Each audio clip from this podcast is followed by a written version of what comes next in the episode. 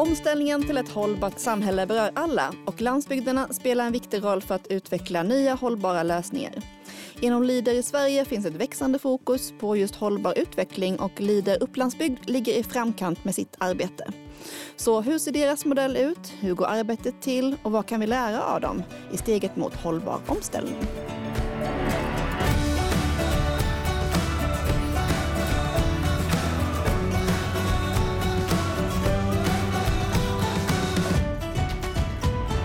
Med mig för att prata om hållbar omställning har jag idag Emma Mattila, projektledare för Upplandsbygd lokalt ledd utveckling. Hej Emma! Hej! Vi har också Ulrik Wernsberg, ordförande för Upplandsbygd lokalt ledd utveckling. Hej Ulrik! Mm, hej! Och vi har också Ellen Johansson Wies, regionkonsulent på Uppsala läns 4H. Och du är med för att representera ett av Upplandsbygdens LIDE-projekt. Hejsan Ellen! Hej! Hej och välkomna alla tre. Ulrik och Emma, skulle vi kunna reda ut lite vad är hållbarhet i det här sammanhanget? Vill Emma börja? Ja, vi vill ju med vår utvecklingsstrategi i Upplandsbygd verkligen försöka bidra till en hållbar omställning av eh, vårt område här. För oss innebär det att eh, man tar helt nya tag och eh, försöker utveckla sin plats eller sin verksamhet men också ta hänsyn till ekosystemen som man ju verkar i. Så för oss så, så innebär hållbar utveckling att, eh, att man inte gör någonting på bekostnad av varken social, ekonomisk eller ekologisk dimension i hållbarhet. Mm. Vill du lägga till något där Ulrik? Ja, nej, men det är ju en, en, varit en resa som hållit på ganska länge att få en bättre hållbarhetsaspekt på de projekt som vi beviljar. Och jag har inte varit med hela resan. Jag kom in på årsmötet 2019 och det här har pågått redan innan och det var ju för att få till utifrån Agenda 2030 en bättre ekonomisk, social och miljömässig prövning av projekten och då har man jobbat fram ett bra system för att få en bra hållbarhet utifrån Agenda 2030-perspektivet. Mm. Vi ska höra mer om det eh, senare, hur ni har jobbat med det. Men Ellen, vill du berätta lite om det här projektet som, som du representerar här? Vad, vad går det ut på och vad heter det? Ja, eh, vi har fått ett projekt som kallas för Kretsloppsskolan på jul. Och det är ett eh, koncept som 4H-gårdarna jobbar med där man riktar sig mot förskolebarn framför allt. Och så får de följa äggets kretslopp från att man hämtar äggen hos hönan och sen så pratar man om men, hur, hur produceras det här ägget? Vad behöver hönan för att kunna tillverka det? Vilka resurser är det som ligger bakom den här produktionen? Så. Okay. Och sen så tar man med sig ägget och förskolegruppen eh, och så får de baka muffins på äggen och så pratar man om att de här skalen ska komposteras och eh, så får barnen sen odla med eh, använda skalen till kompost så att det blir till havre som eh, de får med sig och så förstår de då att det är hela kretsloppet eh, från, från ägg till att det blir tillbaka till, till mat till eh, hönan igen. Emma, det, du nämnde det här, ni kallar det hållbar omställning. Varför inte det, det vanligare ordet, eller det man kanske är vanare att höra, hållbar utveckling? Vad är liksom distinktionen där? Ja, vi tycker att begreppet hållbar omställning innefattar mer av att, att det gäller att tänka nytt och att det är nya lösningar som behövs.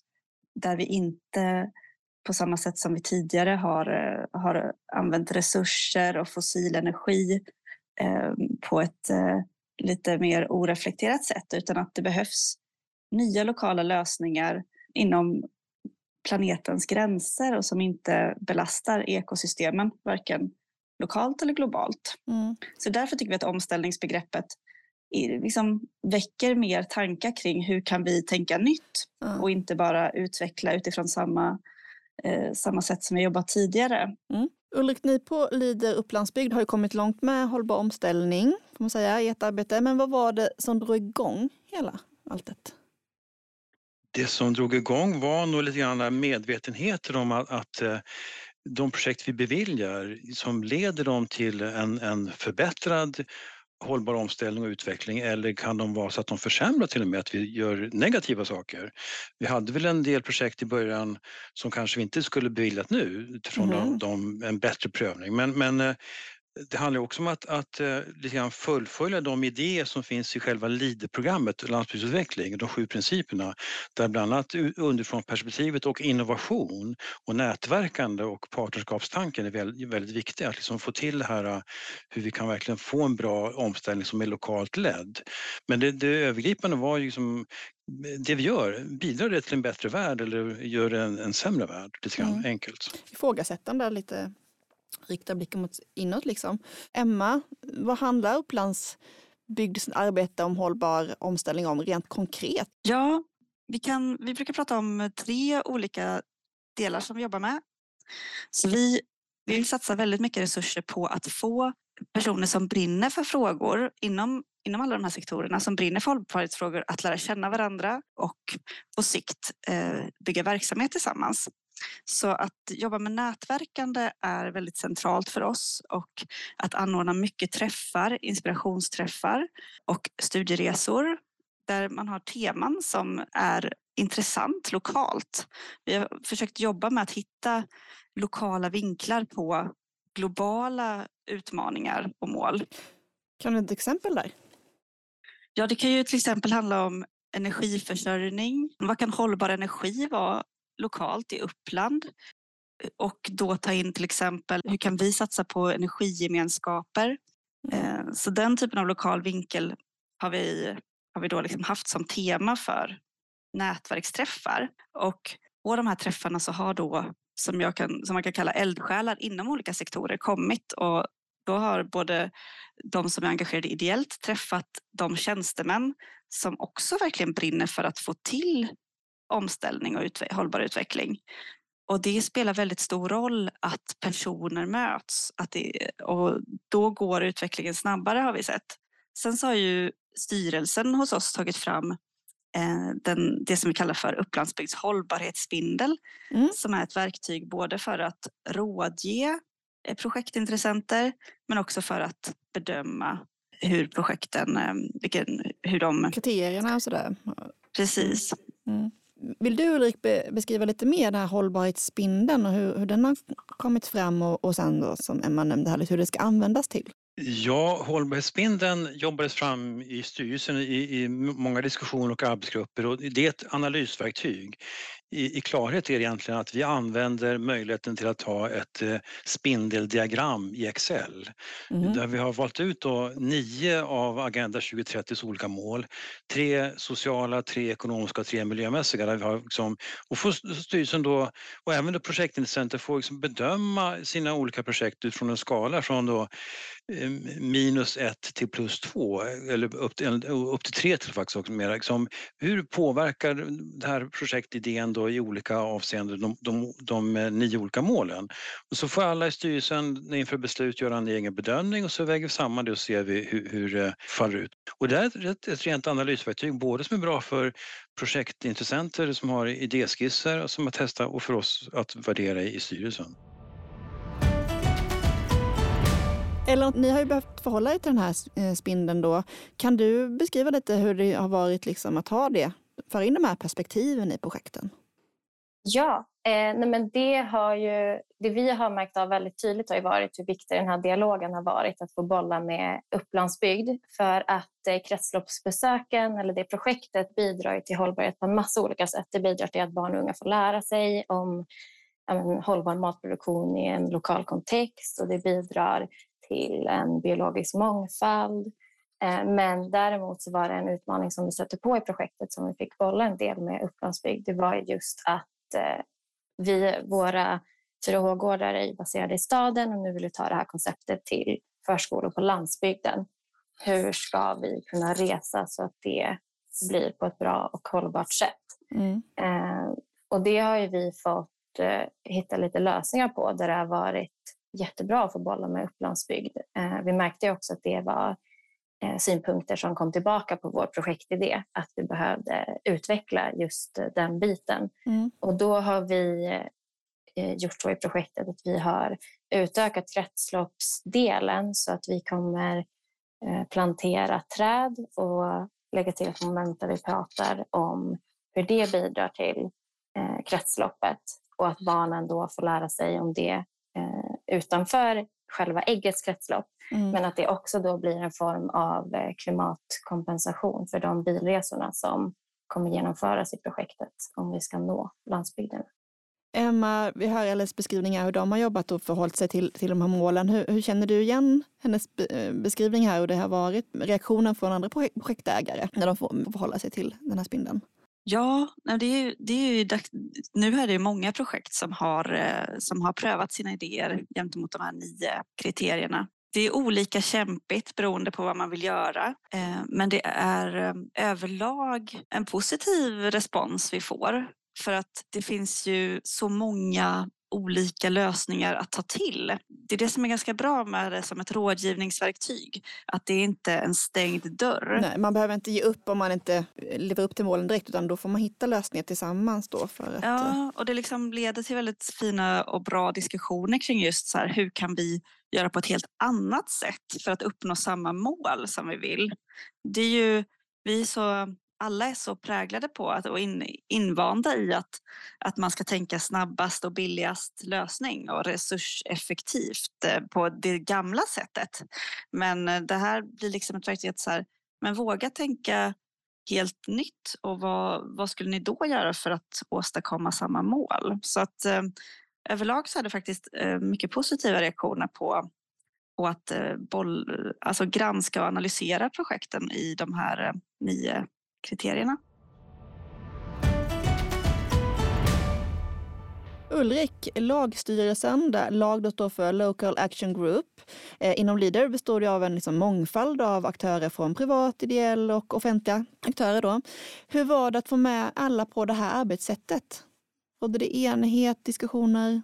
Jo, men jag skulle säga att det, det är enighet kring det här och det, det, har ju varit olika intressenter i styrelsen som varit drivande, bland privata, men även del offentliga. Vi har ju till exempel, vi är så lyckligt lottade att vi har ju ledamöter i styrelsen som kommer från SLU som sitter med där så att vi har ju mycket kunskap i de här frågorna så att kunna jobba på det. Men det har varit eh, eh, en, en, en enighet och konsensus. Konsensus har ju varit en modell förut för beslutsfattare. Nu har vi, inte, nu har vi kvalificerad majoritet men det har inte varit ifrågasatt utan det, det har varit en, en, en att man varit överens om detta och gå denna väg.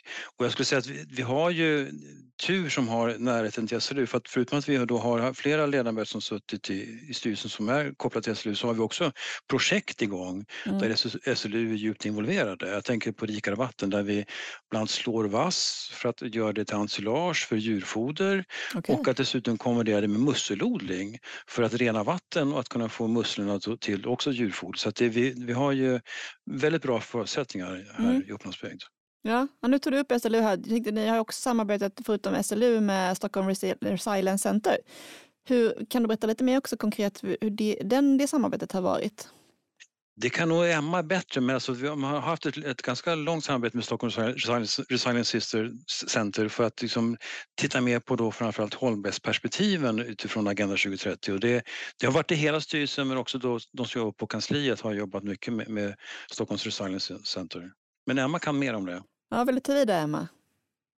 Ja, det, det är en annan av metoderna som det hänger ihop med lite att, att hela tiden våga Eh, fortbilda sig, både vi på kontoret och styrelsen att, att ta, till, ta in ny kunskap. Vi började vår resa eh, ganska nära kopplat till Agenda 2030 och eh, sen så fick vi möjlighet att gå en, vara med på ett en utbildningsprogram hos Stockholm Resilience Center med ehm, att, att lära oss vad, vad resiliens och motstånds, mot, hur man kan bygga motståndskraft i lokalsamhällen. För att det är ju supercentralt nu när vi liksom går från kris till kris. Och så, så såg vi när vi tittade på att bygga resiliens är att det, det ligger ganska nära också vad Leader vill åstadkomma. Att, att stärka de system lokalt som, som skapar motståndskraft. Och det är ju väldigt mycket kopplat till att bygga starka nätverk av människor, dela kunskap, med mera. Men också att, att hela tiden ha den ekologiska aspekten väldigt närvarande. Ellen, du var inne på det här innan lite med vilket stöd ni har fått från Leaderkontoret. Men vilka fördelar skulle du säga att det finns i det här arbetssättet? Men dels så blir det väldigt konkret och tydligt med verktyget hållbarhetsspindeln så att man kan ju i ett tidigt skede själv, om man är intresserad av att söka projekt, eh, börja fundera på det. Sen så eh, upplever väl 4H att vi har fått ett väldigt stort stöd ifrån Upplandsbygd under hela processen. Att eh, om de upptäckt någon brist så har det verkligen varit något som vi kan diskutera och mm. gemensamt hitta lösningar på. Eh, och det har varit otroligt värdefullt. Jag tänker att eh, hållbar omställning och hållbar utveckling är viktigt för oss allihopa. Och eh, det är tillsammans som vi kommer behöva hitta de lösningarna framåt. Ja, och eh, Emma och Ulrik, jag tycker att alla goda idéer till får lånas. Om någon blir inspirerad då av det ni har berättat nu allihopa här, hur kan man få tag i metodhandboken? Jo, den ligger på vår hemsida www.upplandsbygd.se och om eh, man är intresserad av mer material kring eh, de här Excel-filerna och så som jag använder för att bedöma projekt så, så går det jättebra att höra av sig till oss på, på kansliet kansli upplandsbygd.se. Mm. Toppen, tack! Och innan vi rundar av här nu för idag så skulle jag vilja veta vad ert bästa tips för ett första steg mot en hållbar omställning blir. Jag tänkte gå en liten runda här. Vi kan börja med Ulrik. Med bästa tips, alltså jag tror nog eh, föda, alltså livsmedel, det är jätteviktigt. Den har jättestor eh, eh påverkan på miljön. Så att liksom, eh, följ Livsmedelsverkets näringsrekommendationer. Ät mer grönt, mer frukt, mer fisk, mindre kött. Det är jättebra. Mm, tack. Ellen, vad har du att säga? Nej, men jag tänker att våga vara lite obekväm. Eh, alltså dels eh, för sig själv att eh, det är inte alltid den enklaste lösningen att ta bussen. Det är mer lockande att ta bilen. Eh, så dels obekväm i den bemärkelsen, men också eh, i hur vi bemöter varandra. Alltså vi skapar ju normer tillsammans. Så om man, om man själv vågar vara ett föredöme, exempelvis att äta mer vegetarisk kost eller att eh, välja svenskt kött, så kommer det vara enklare att, att ändra kultur. Mm, och ifrågasätta den lite. Mm. Ja, men det med. Mm. Emma, vad vill du säga? Jag skulle säga eh, ordna ett litet eh, grannfika med dina grannar och eh, diskutera vad skulle vi kunna göra tillsammans som gör någon smartare lösning? Vad är det som vi gör tokigt idag och hur skulle vi kunna tillsammans eh, göra det bättre. Också lära känna varandra och veta vilka, vilka man har i sin, eh, sin närmaste krets. Det var allt vi har med i dagens program där vi pratat om hållbar omställning. Tack säger jag till Emma Mattila, projektledare för Lider Upplandsbygd, Ulrik Wernsberg, ordförande Upplandsbygd eh, lokalledd utveckling och Ellen Johansson Wiss, regionkonsulent på Uppsala läns 4H. Tack så mycket alla tre. Tack ska ni ha. Tack. Tack så mycket. Podden Landet är slut för den här gången och det är också sista gången med mig som programledare. Från och med nästa avsnitt är det en ny röst som ni kommer höra leda programmet.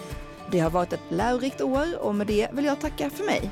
Ett stort tack till alla som medverkat och ett speciellt tack till er som har lyssnat under det här året. Vad vore en podd utan sina lyssnare egentligen? Jag heter Sandra Nergård Petersen, producent var som vanligt Ingrid Whitelock och bakom produktionen står Landsbygdsnätverket. Tack och hej då!